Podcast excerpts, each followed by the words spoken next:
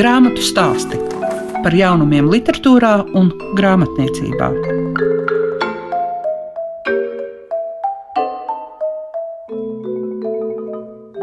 Grāmatu stāsti tāpat kā gadumijas stāsti, tāpat kā emociju stāsti, parasti mums ir līdzās. Un arī tagad, tuvojoties gadumijai, mēģināsim iepriecināt tās sirdis, kuras mīl labsajūtu un laimi rast grāmatās. Un tā šīs dienas raidījumā gan jūs uzzināsiet par mākslas grāmatām, tā izskaitā simbolu slepeno dzīvi, ko radījis Metju Vilsons. Atvērsim Hermaņa Marģera Majevska bilingvālo dzējoļu izlasi, kuras nosaukums ir Pretstraumes čuksti, kā arī ciklā vērtē lasītājs, uzzināsit, kā tiek vērtēta Daces Vīgantes romāns Romantiķis.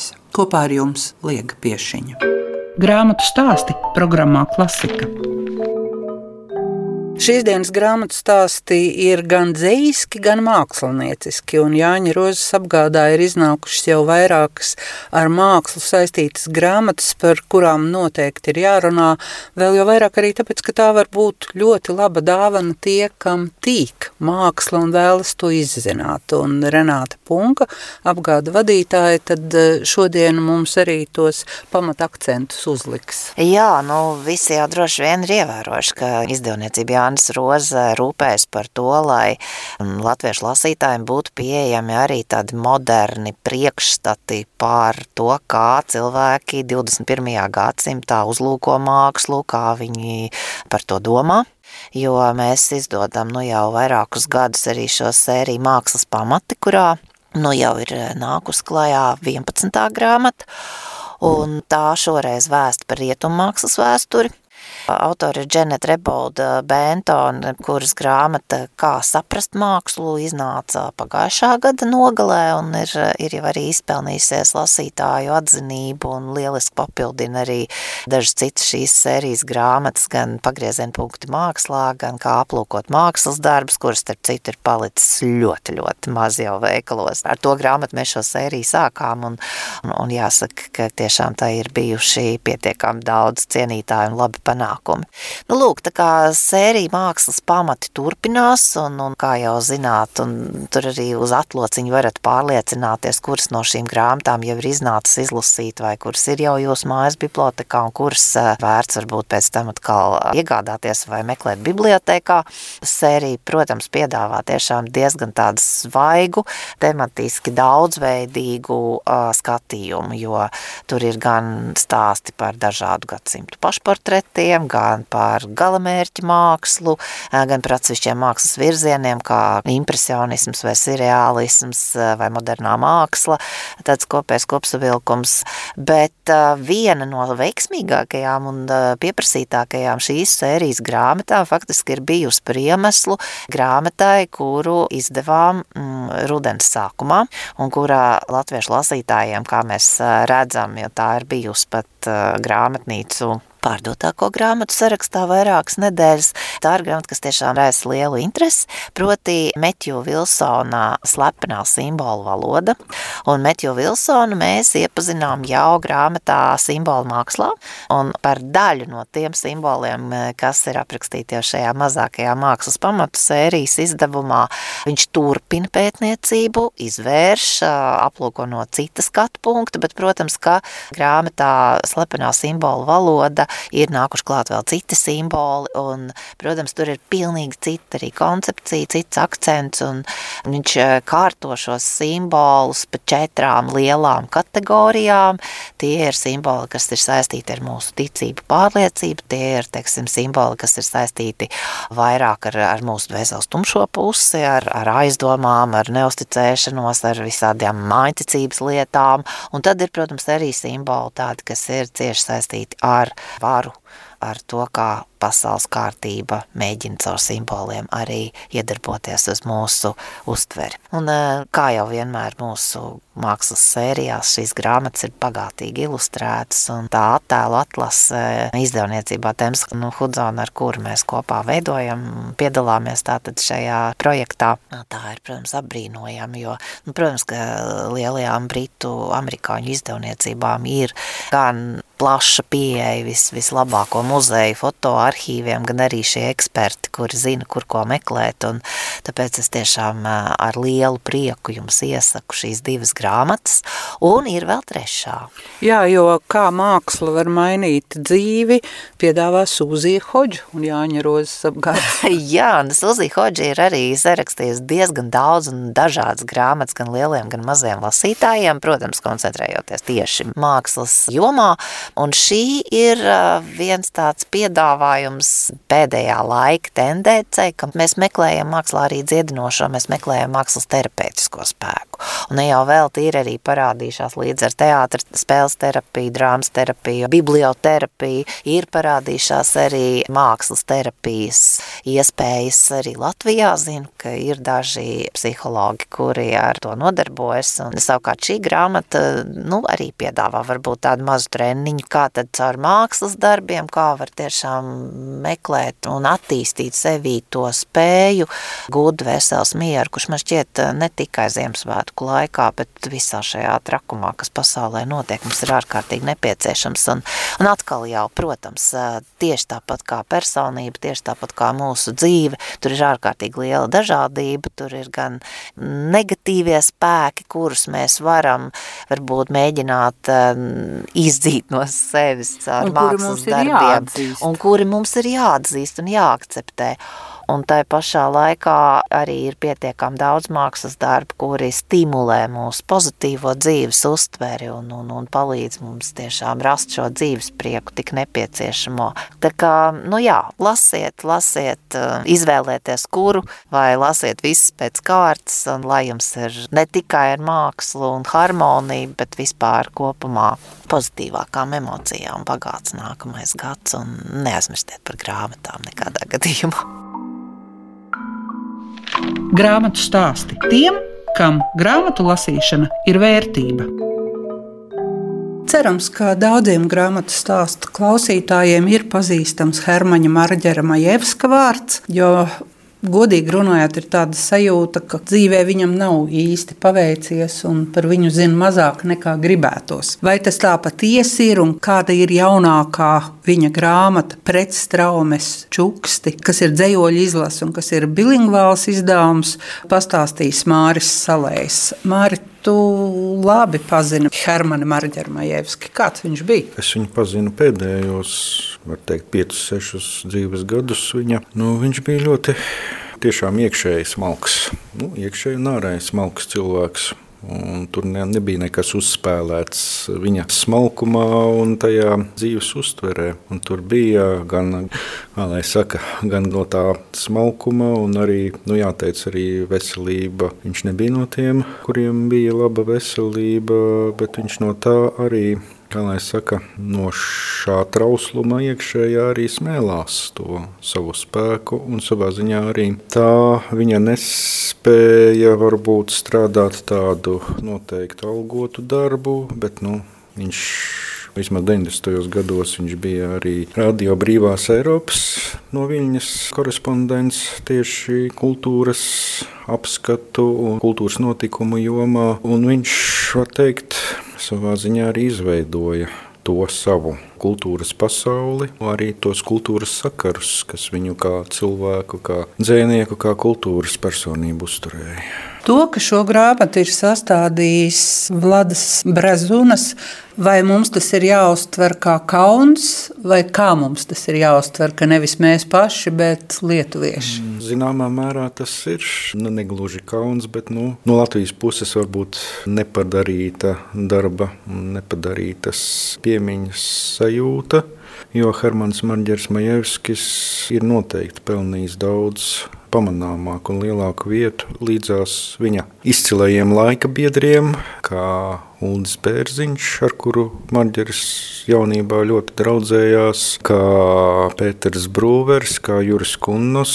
Viņš nav mazāka mēroga zvejnieks, un šī viņa īpatnējā dzējas skanējums, kurā viss patiesībā balstās tieši uz melodiku, uz vārda skanējumu, uz šo frāzes skaistumu, kura pievelk teiksim, tā jēgu, pievelk metaforas, pievelk. Nu, tāpat kā mūzikā, vispirms tu dzirdi, un pēc tam nāk tikai koncepcijas un tā tālāk. Vispirms ir šī skaniski jutekliskā pieredze. Pretstraumes čukste zināmā mērā tā jau arī izklausās kā tāda metāfora. Jā, patiesībā tas ir pilsētnieka ļoti, ļoti dziļa dabas uztvere. Šeit nav nekā no tādas zemnieciskās uztveres, bet dabas nu, tā Var teikt, ka dabā, viņa dabas tēlos, dabas ainavā, kas ir viņa dzējā, it kā emanējis tā cilvēka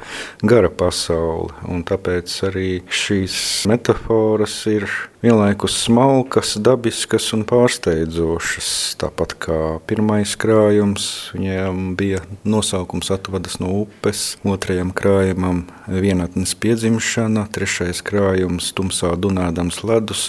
Katram ir savs tāds vizuāli skaniskais kods, kurš viņš nāk nevis caur intelektuālo uztveri vispirms, bet viņš nāk pa emocionālās uztveres durvīm. Un tas viņam bija ļoti svarīgi. Jāteic, ka es jau biju aizmirsis, bet mans darbs tur arī izrādās ir iekšā, jo Vlads Prazjons lūdza mani atlasīt zejoļus šai izlasēji. Pamatā tas ir kopdarbs.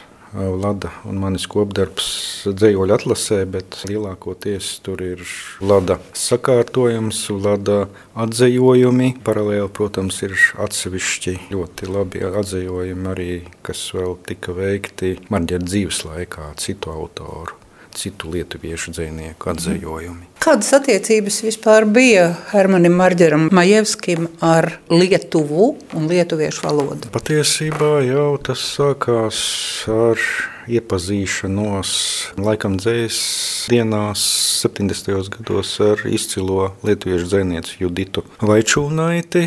Viņi kļuva par dzīvesbiedriem un kopš tā laika Marģeris dalīja savu dzīvi starp Latviju un Lietuvu arī fiziski. Var teikt, ka viņš ieauga Lietuvas kultūras un dzīslas vidē, un viņš kļuva par vienu no tiem ļoti būtiskajiem tiltiem starp latviešu un lietuviešu dzēju. Un man liekas, ka ir jūtama šī lietuviskā nots arī viņa paša dzējā, kaut arī tā nav tāda ļoti etnogrāfiski vai geogrāfiski uzsvērta. Tā parādās varbūt kādās alūzijās vai dzējoļa pieraksta vietā.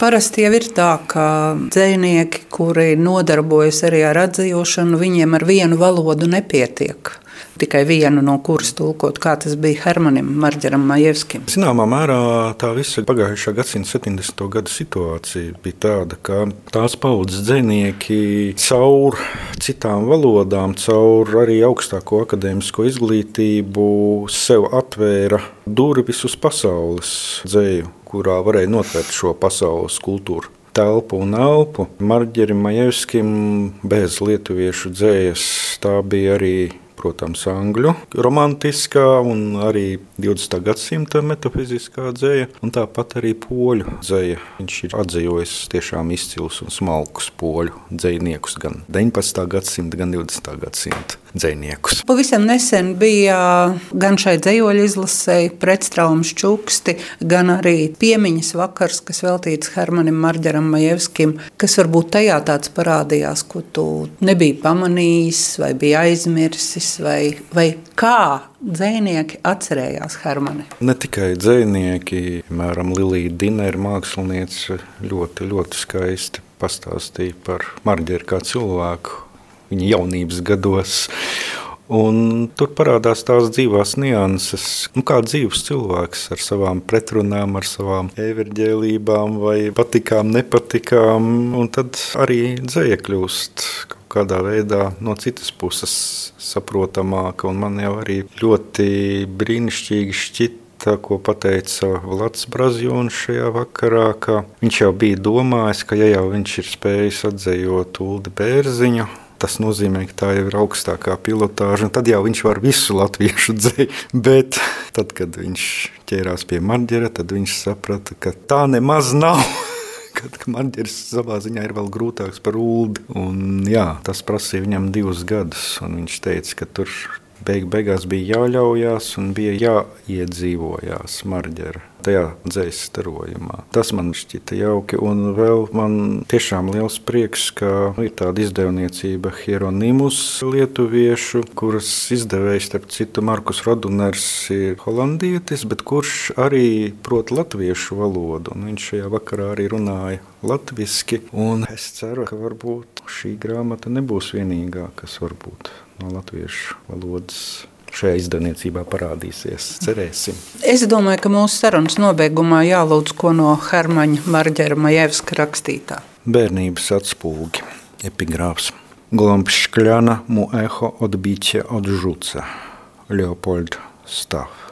Vien bērzu balsis nodzeltē, bet atsarkās, tā pati gaita, gaviļaini plīvo, jau jasmīna baltās zvaigznes miegā saskaras, čukst visi attālumi, baiļu trīsās, virs sārņiem debesīs, starp launagvēja plaisām, kad pierē lēna priekšnojauta plūk, pēc soļa cits, kad atmiņainā gaismā zem tavām potītēm jau lietus elpa kūp, tev vakar dzijas mazglos saule paklūp, un padebešu siltie pirksti gumst, tur viļņu šūpās, bailes uztrūkstas un sedz tos, līdz pirksti slīd un stikla skrambās grūst. Kad atspūgs mūžam sauca, tuvāk sniedzies, jau nebīsties vairs stiklam pārlidot, bet bīstos bīstos, pirms tev skropstās lūdzās, pirms pakritušais skatiens smiltīs iekliedzās. 1997. 9. septembris pabažos Inesei Veinbergai. Grāmatu stāsti programmā Klasika. Cerams, ka arī Hermaņa Marģera Majevska pretstraumes čuksti būs nopērkami mūsu grāmatnīcās. Diemžēl viņa dzīve aprāvās jau 2001. gadā, un mēs par viņu varam runāt tikai pagātnes formā. Bet tagad ciklā vērtē lasītājs uzklausīsim Andu, kura ir izlasījusi latviešu rakstnieces grāmatu. Dats Vīgans romantiķi Man jāsaka, ka es viņu izlasīju ātri, jo es lasīju dažām vietām ļoti tā pāršķērsā, jo tajā grāmatā tur ir ļoti liels uh, laika periods. Arī diezgan pasmags dzīves posms, kara sākums un izsūtīšana, un viss ir apskatīts tajā grāmatā. Arī paudžu attiecības un daudz sāpīgu lietu. Uzrakstīt grāmatu ir viegli. Varbūt man bija pa daudz autosporta. Tā arī bija tā lieta, ko es tur tā ļoti detalizēti nelasīju, jo patu šo domu un visu tas vidē visam cauri, un es viņu labi sapratu. Arī man ļoti patika, kad no cilvēka puses, kas stāsta šo stāstu, vīrietis, kad viņš cauri visam tomēr saprot arī, tas stāsts tiek pasniegts arī, kad cilvēks ir, ir sapratis eh, to savu dzīves gājumu un arī tās savas kļūdas un tās varbūt tā attiecības, kas ir ģimenē un kāpēc viņas ir izveidojušās tādas un nekā savādāk. Un, un būtībā jau rakstot to vainu, viņš tomēr ir uzņēmies uz sevi, gan daudzās vietās, gan attiecības ar savām sievietēm, tā skaitā ar māti un ar sievām un ar meitu. Nu, es domāju, vai vīrieši izlasot to grāmatu, viņu saprast tā, kā saprotam mēs, diez vai. Jo Es lasot to grāmatu, vairāk man cauri tam visam bija kā no viena cilvēka varbūt aizrautības un visa, kā cieši apkārtējie, kādas ir sekas tam visam. Un te pašā laikā viņš it kā grib to ģimeni, viņš grib attiecības, visu viņš grib, bet tajā periodā, kad viņš to dara, nu, Viņš to dara. Un, vai vīrieši, lasot to grāmatu, viņi sevi ieraudzītu? Es domāju, nē. Es domāju, nē. Protams, protams, viņi ieraudzītu sievieti, kur nesaprot, ka pāri visam ir tas viņa hobijs. Viņa vaļas prieks, tas tiek nostādīts, un tā vietā var likt uz altāru upurēt visu. Bet tur ļoti daudz arī pozitīvu lietu. Man ļoti, manās acīs tā vērtība bija tāda, ka viņš ļoti, ļoti novērtēja to savu tēva māsu, kura viņu audzināja. Un vēl tas pozitīvais moments, kas man vienkārši bija, ka tā tēva māsa savukārt novērtēja viņu māti. Ja, un cauri darbībai visai tur ir ļoti daudz, ko var iezīmēt tādas vērtības. Izskan grāmatu stāsti. Šīs dienas rādījumā bija par mākslas grāmatām, kuras ir arī gana labas dāvanas gadu mijas laikā. Runājām par Hermaņa Marģera Majevska bilingvālo dzējas izlasi pretstraumes čuksti un dzirdējām vērtējumu par Dacis Vīgantes romantiķis. Kopā ar jums bija Liega Piešiņa. Grāmatu stāsti par jaunumiem literatūrā un grāmatniecībā ik trešdienu, 9.5. ar atkārtojumu Svētdien, 18.15.